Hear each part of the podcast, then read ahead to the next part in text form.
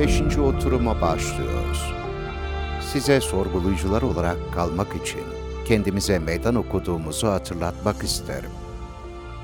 Ortaya konulan bilgi ne olursa olsun, tarafsız sorgulayıcı olarak kalacağız ve bu ortamı sağlamak için ihtiyacımız olan dört etkeni kullanacağız. O halde tekrar hatırlayalım. Alçak gönüllülük, dürüstlük, sakinlik ve saygı.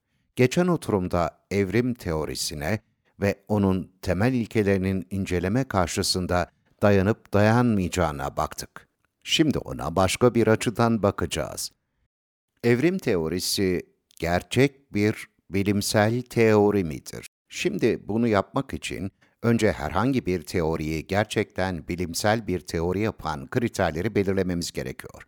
İşte insanların genellikle kullandığı kriterler. Olumlu kriterler ve olumsuz kriterler. Olumlu kriterler temelde dört tanedir. Birincisi, görece yeni kavram. Bir bilim insanı başka birinin çalışmasını yeniden ele almak zorunda değildir. Bunu yaparsa iyi bir teori ortaya çıkmayacak ve çıkan da gerçek bir bilimsel teori olmayacaktır. İkincisi, test edilebilir olmalıdır. Üçüncüsü, ikna edici kanıtlarla desteklenmiş olmalıdır. Dördüncüsü, belirleyici değere sahip olmalıdır. Olumsuz kriterler, sağlam bir bilimsel teoride bulunması gereken şeylerdir. Burada dört tane var. Teori, kritik konularda bilgisizliğini itiraf etmemelidir. İkincisi, dairesel akıl yürütme kullanmalıdır. Üçüncüsü, çelişkili fikirler belirtmemelidir. Ve dördüncü, bizden teorinin ne söylediğini anlamak için hayal gücümüzü kullanmamasını istememelidir. Öyleyse bunların her birine bakalım. Olumlu kriterlerle başlayalım. Birincisi, yeni veya görece yeni bir kavram olmalı. Aslında Loren Elsey'e göre doğal seçilim Darwin'den çok önce evrimci olmayan biri tarafından çok akıllıca betimlenmişti. Bu doğal seçilim tüm organizmaları oluşturacak şekilde sürekli devam etmiyor.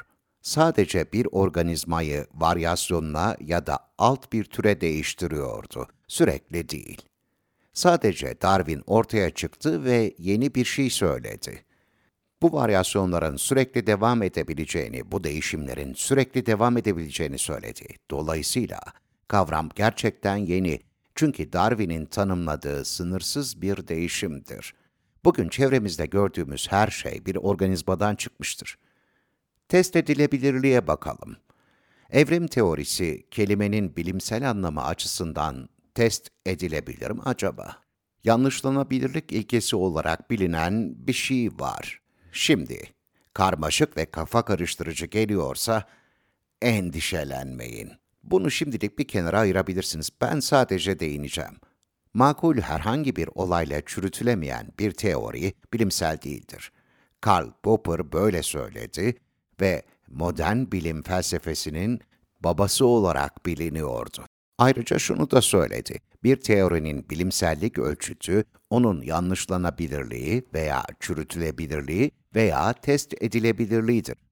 Başka bir deyişle bilimsel bir teori, toplanan veriyle yalnızca doğruluğunun gösterilmesine olanak vermemeli, aynı zamanda toplanan verilerin herhangi biriyle yanlış veya hatalı olduğunun gösterilmesine de olanak vermelidir. Mesele doğru gösterilmesi değildir. Yanlışsa yanlış olduğunun da gösterilmesi gerekir. İkincisi, bu bölüm yanlışlanabilirlik ilkesi olarak bilinir.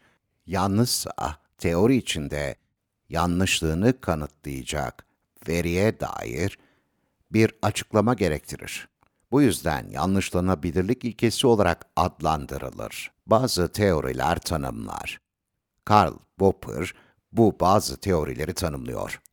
Bu teorilerin pratikte meydana gelen her şeyi açıklayabildiğini söylüyor. Meydana gelen her şey onu daima doğruladı. Bu kelimelerin altını çizelim veya kalınlaştıralım. Meydana gelen her şey onu daima doğruladı. Şimdi biraz kafanız karışmış olabilir. Öyleyse size bir test edilebilir bir teori, bir de test edilemez bir teori örneği vereyim. İlk önce basit anlatımla test edilebilir bir teori. Eğer Bay A ilerici biri dersem, neden ilerici olduğunu biliyoruz çünkü ileriye gittiğinde ilerici olduğunu görürüz. Bu teori test edilebilir. Çünkü eğer ileriye gidiyorsa doğruluğu kanıtlanabilir. Ancak yerinde durduğu veya geriye gittiği görülürse, teorinin yanlış olduğu kanıtlanmış demektir. O halde Bay A'nın ilerici olduğu teorisi test edilebilir. Şimdi de test edilmeyen bir teori. Hemen hemen aynı kelimeler ama burada ne olduğuna bakın. Burada teori diyor ki, Bay A geriye de gitse, yerinde de dursa veya ileriye de gitse daima ilericidir. Düşünün, bu teori test edilemez. Çünkü akla uygun herhangi bir veriyle yanlış olduğu kanıtlanamaz. Yani ister ileri gitsin, ister geri gitsin, isterse hareketsiz kalsın yine de ilericidir. Ama ya ilerici değilse? Bunu gösteremeyiz. Bu nedenle bu teori test edilemezdir ve kendini test edilemez olarak gösteren bir teori, bilimsel bir teori değildir. Şimdi bu düşünceden yola çıkarak bu evrimcilerden bazılarının kendi teorileri hakkında söylediklerine bir göz atalım. İşte Paul Ehrlich ve Elsie Birch ikisi de evrimci. Onların itiraflarına bakın. Evrim teorimiz olası hiçbir gözlemle çürütülemeyecek bir teori haline geldi. Akla uygun her gözlem ona uydurulabilir. Onu test etmenin yollarını kimse akıl edemez. Çoğumuzca eğitimimizin parçası olarak kabul edilen bir evrim dogmasının parçası haline geldiler. Dolayısıyla buna göre evrim teorisi bilimsel değildir. Çünkü büyük ölçüde test edilebilir değildir. Başka bir deyişle yanlışlanabilirlik ilkesine uymayan bir dogma olduğu konusunda hemfikirdirler. Dogma nedir? Desteklenmesi için kanıt gerektirmeyen ve hiçbir düzeyde sorgulama, inceleme veya meydan okumaya izin vermeyecek bir iddia veya açıklamadır. Sıradaki ikna edici veriler. İyi bir teori yeterince ikna edici veriye sahip olmalıdır. Ama şu iki ifadeye bakın. Biri merhum Stephen Gould'a ait. Harvard Üniversitesi'nde paleontoloji profesörüydü. Ve sahip olmamız gerekene kıyasla elimizde olan bilgiye baktıktan sonra şunları söyledi. Kendimizi yaşam tarihinin tek gerçek öğrencileri olarak görüyoruz. Ama doğal seçilim yoluyla evrime dair ayrıcalıklı hikayemizi korumak için verilerimizi o kadar kötü inceliyoruz ki, araştırdığımızı ileri sürdüğümüz sürecin kendisini asla görmüyoruz. Başka bir cümleye bakalım. Şu ifadeye kulak verin. Ayrıntılara indiğimizde tek bir türün bile değiştiğini kanıtlayamayız. Ne de varsayılan değişimlerin teorinin dayanağı olan faydayı sağladığını kanıtlayabiliriz. Bu sözleri kimin söylediğini biliyor musunuz? Düşünün, Charles Darwin'in bizzat kendisi. Sahi, şimdi bu teori ne olacak? Bir türün değiştiğini bile kanıtlayamıyoruz. Peki türden cins, familya, takım, sınıf, şube, alem ve üst aleme bütün bu sınıflandırma ne olacak? Evrim türler arasında ara formlar gerektirir dedi David Beekitz. Ama paleontoloji bunları sağlamaz. Öyleyse elimizde veri yok. Philip Handler'in sözlerine ne demeli? Tüm hayvanlar için yaklaşık 25 büyük şube tespit edilmiştir ve neredeyse tek bir durumda bile herhangi iki şubenin ortak atalarının neye benzediğini gösteren bir fosil kanıtı yoktur. Başka bir deyişle bu şubelere sahibiz ama öncesinde bize bu şubeleri verecek ne bulunduğunu bilmiyoruz. Bilinen fosil kayıtları büyük bir morfolojik değişim geçiren tek bir filetik evrim örneği dahi belgelendiremez. Stephen Gould'un başka bir ifadesine bakalım. Herhangi bir yerel bölgede bir tür, atalarının düzenli dönüşümüyle yavaş yavaş ortaya çıkmaz. Birden ve tamamen oluşmuş olarak belirir. Onu o konuma getiren o küçük değişimler ne olacak? Bununla ilgili elimizde veri yok. Dolayısıyla soy denilen ata, yavru bir türden diğerine değişimin gösterilmesi için birini diğerine bağlayan düzgün bir ara form zinciri gerekecektir. Burada bir tane ve bir sürü değişim sonucu. Bir sonraki biraz değişti, biraz daha ve nesiller sonra buradaki başka bir tür olarak adlandırılacak kadar değişti. Dünyanın tüm müzelerinde 250 bin fosil türüne sahibiz. Bir türü diğerine bağlayan zincirler üretmek için 250 bin rastlantı var. 250 bin rastlantı arasında teorimizin gerçekten sağlam bir bilimsel teori olmasını sağlamak için kaç değişime ihtiyacımız var? Kaç tane düzgün zincirimiz var? Biliyor musunuz? Bir tane bile yok. Kanıtlamakta başarısız olduğu şeyi Darwin'den daha iyi kimse bilemezdi. George Levine Türlerin Kökeni kitabının girişinde, Darwinizmin çürütülmesinde paleontolojinin veya fosil kayıtlarının sağladığından daha kesin veri yoktur. Neden? Oswald Spengler şöyle diyor. Geçiş türleri olmaksızın birden ve bir defada nihai biçimleriyle ortaya çıkan tamamen kararlı ve değişmemiş formlar buluruz. Teorinin bulmamız gerektiğini söylediği şey bu değil. Sonra Kambriyen patlaması olarak bilinen şey gelir. Gördüğünüz gibi jeolojik kayıtlar bir tabakadan diğerine ve diğerine ilerler ve bu katmanlarda basit formlardan gelişen karmaşık ve daha karmaşık fosiller buluruz, sonunda insana ulaşırız. Bu sırayla gidiyor. Kambriyen patlaması önceki seviyede karmaşık vücut parçalarının değil, çok basit, küçük organizmaların bulunduğu belli bir seviyeyi tanımlar. Fakat birden jeolojik sütunun bir sonraki katmanında pek çok şube düzeyinde organizma buluyoruz. Ne dediğimi hatırlıyor musunuz? Şube çok yukarıdaydı. Tür, familya, takım, sınıf, şube. Bu aşamaları geçmeden birden bu jeolojik katmanda pek çok şube buluruz. Şubeler, şube seviyesinde organizmalar. Roger Levin'in dediğine bakın. Günümüze ulaşan 30 civarı şubeyle kıyasladığında bugün bulunanlar demek oluyor, Kambriyen patlamasının 100 kadar şube üretmiş olabileceğini tahmin edenler var. Birkaç şubeden 100 taneye. Sınıflandırma hakkında söylediklerimizi hatırlayın, şuna bakın. Tür, cins, familya, takım, sınıf ve sonra şube. Kambriyen patlamasında şube seviyesindeki organizmalar bir anda ortaya çıktı. Dahası 500 milyon yıldan fazla bir süre önce gerçekleştiği varsayılan Kambriyen patlamasından sonra yeni bir şube gelişmedi.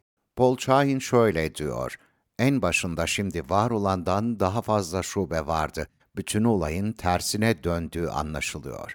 Peki güncel verilerin özellikleri? Genetik değişimlerin evrime yol açtığı varsayılı. Ancak genetik değişimlerde ölümcül mutasyonlar sıradan, görünür mutasyonlardan 20'de bir daha fazladır. Öyleyse her iyi mutasyona karşılık 20 kötü mutasyon vardır. O zaman hangi yoldan gidiyoruz? İşte Herbert Linsol'un söyledikleri.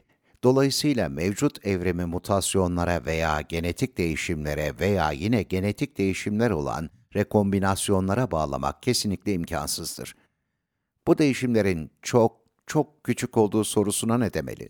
Küçük değişimlerle ilgili bu teoriye göre sayısız geçiş formunun var olması gerekir. Charles Darwin ara türlerin sayısının gerçekten büyük olması gerektiğini söyler ve aslında George Levin bunu tanımlarken Darwin'in dünyasında kalıcı sınırlar yoktur ve neredeyse her organizma zamanla değişime uğrar. Darwin kayalardan midyelere, kuşlara ve ağaçlara her şeyi etkinleştirir der. Başka bir deyişle Oswald Spengler şöyle der. Yalnızca geçiş formları olması gerekir. Bu sebeple önceki ifadesinde Darwinizmin çürütülmesinde paleontolojinin sağladığından daha kesin veri yoktur demişti. Yalnızca geçiş formları olması gerekir. Tanım yok, tür yok. Bunun yerine birden ve bir defada nihai biçimleriyle ortaya çıkan ve sonrasında daha uyumlu olmak için gelişmeyen tamamen kararlı formlar buluruz. Şimdi sahip olduğumuz gerçek bilgi parçaları ne olacak? Coğrafya ve biyotop olarak kentsel ve kırsal tipleri şimdi çok iyi bilinen meyve sineği en eski zamanlardan beri değişmemiş görünüyor. Coelacant, bir balık türü, 300 milyon yılda çok az değişim geçirdi. Richard Goldsmith, çelişkili bir biçimde bilinen tüm takımlar veya familyalar görünürde hiçbir geçiş olmadan birden ortaya çıkıyor der. Yeni türler neredeyse her zaman atalarla bağıntılı olmadan birden ortaya çıktı. Birden olması, göstermesini beklediğimiz aşamalı resimle örtüşmüyor. Peki değişimlerin birbirine eklendiği gerçeği hatırlayın. Küçük bir değişim, kısa bir geri dönüş ve başka bir küçük değişim ekleniyor. Böylece iki değişim oldu ve üçüncü, dördüncü derken yüz değişim gerçekleştiğinde bu türden diğerine geçtiğimizi söyledik. Ama 1980'de Chicago'da evrimcilerin çok tarihi bir buluşması oldu Ve Roger Levin oradaki bilim muhabirlerinden biriydi. Onun sözlerine bakın. Chicago konferansının ana sorusu türden cins, familya, takım, sınıf, şube ve aleme makro evrim olgusunu açıklamak için türden alt türe geçiş olan mikro evrimin altında yatan mekaniğin tahmin edilip edilmeyeceğiydi. Toplantıda yer alan bazı kişilerin konumuna zarar vermek pahasına cevap açıkça hayır olarak verilebilirdi. Başka bir deyişle, değişimler birbirine eklenmez. Bunu tanınmış bir evrimci olan Francisco Ayala da tekrarlıyor. Şöyle diyor, paleontologların, fosilleri araştıranların söylediklerinden değişimlerin birbirine eklenmediğine artık ikna oldum. Peki değişimlerin iyi yönde olduğu iddiası, genetik değişimler organizmaları geliştirmez. Mutantlar veya bu değişimlerin olduğu genler taşıyıcıları için zararlıdır. Başka bir deyişle bu değişimler kötü yönde etkiler. Sonraki ifade bunu belirtiyor. Mutasyonlar veya genetik değişimler her zaman kötü yönde etkiler. Ve Pierre Paul Grass, mutasyonlar hiçbir tür evrimi meydana getirmez der. Öyleyse olgu yönünden, veri yönünden zor günler geçiriyoruz. Peki kestirim değerinin olup olmaması, işte Charles Darwin'in yaptığı bir tahmin. Tamamen yumuşak olan hiçbir organizma korunamaz. Ama gözlemler neyi gösteriyor? Bu yakın zamanda Hagdorn tarafından yapılan bir açıklama. Çoğu bir yemek tabağından daha büyük, tamamen yumuşak gövdeli binlerce deniz anası kum taşının en az yedi farklı katmanında bulunur. Chicago'daki Doğa Tarihi Müzesi'nin başkanı David Rapp, teorinin kestirim veya geriye dönük gücü neredeyse hiç yoktur diyor. Vay canına! Olumlu kriterler karşılanmış gibi durmuyor. Peki olumsuz kriterler? Bilgisizlik. Hiçbir iyi bilimsel teorinin bilmiyorum dememesi gerekir. Ama Charles Darwin'in kendi sözlerine bakın. Derin bilgisizliğimiz diyor. Yerli ırklarımızdan hiçbirinin kökeni veya tarihi hakkında hiçbir şey bilmiyoruz. Ama yerli ırklara baktığında ona evrim teorisinin temelini sağlayan da budur ve hiçbir şey bilmediğimizi söylüyor. Diğer açıklamasına bakalım. Omurgalılar hakkında hiçbir şey bilmediğimiz arkaik bir prototipten türemiştir. O zaman hiçbir şey bilmiyorsak, oradan geldiğimizi nereden biliyoruz? Errol White şunu söylüyor. Akciğerli balıkların kökeninin dayandığı güvenilir hiçbir şey yoktur. Organik evrimi bir mahkemede kanıtlamak zorunda kalmaktan pek hoşlanmayacağımı sıkça düşünmüşümdür. Bunu diyen Londra'daki Line Derneği Başkanı, büyük bir evrimci dernektir. Dairesel akıl yürütme ne demek? Şuna benziyor. Size doğruyu söylüyorum ve bize doğru söylediğini nereden bileceğiz diye sorduğunuzda cevabım çünkü ben size söylüyorum.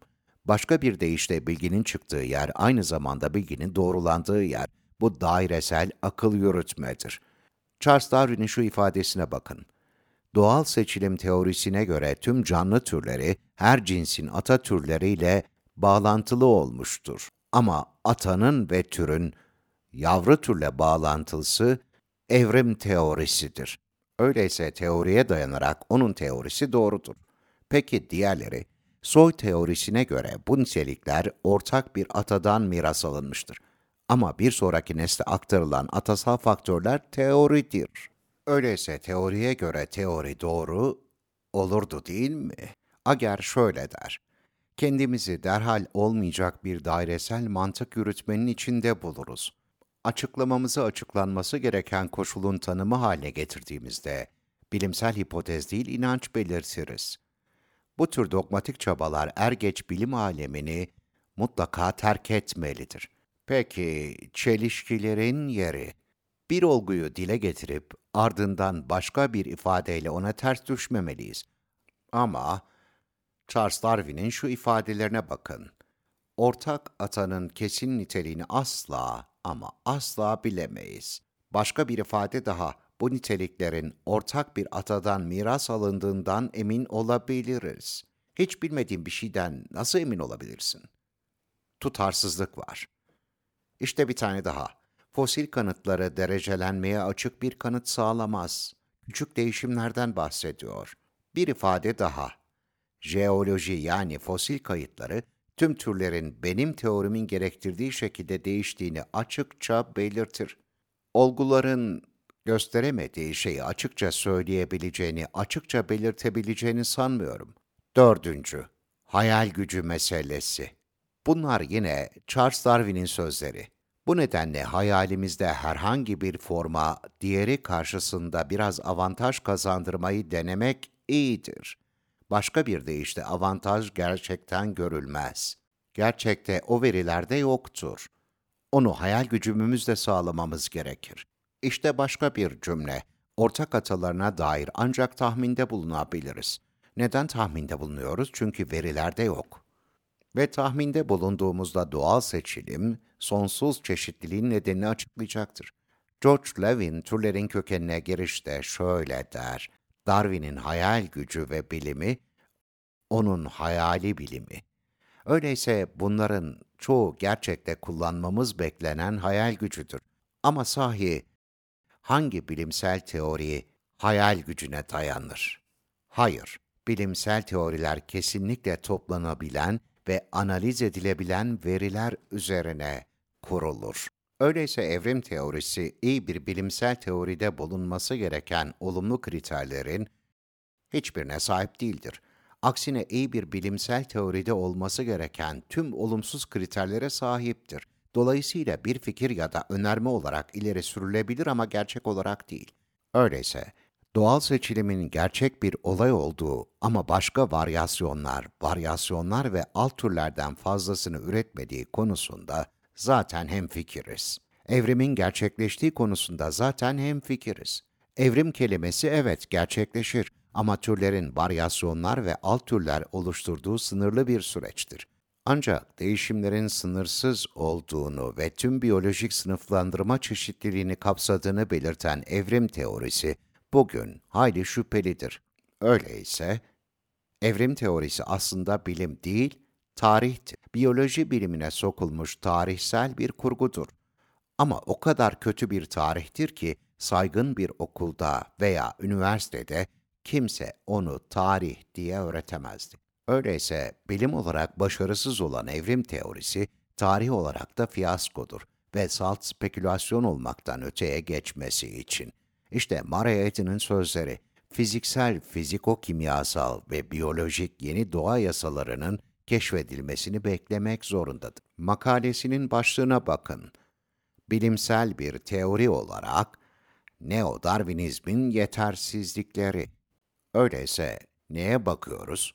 Teorinin belli başlı iddialarına baktık.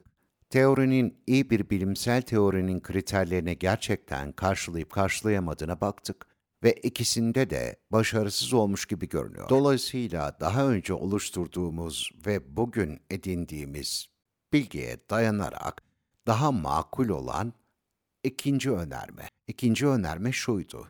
Evrim teorisi bilimsel değilse, o zaman doğa ve onun incelenmesi Tanrı'nın gerekli ve aslında var olduğu iddiasını destekleyebilirdi.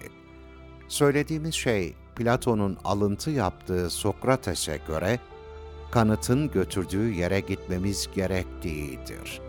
Bir sonraki oturumda tekrar görüşeceğiz.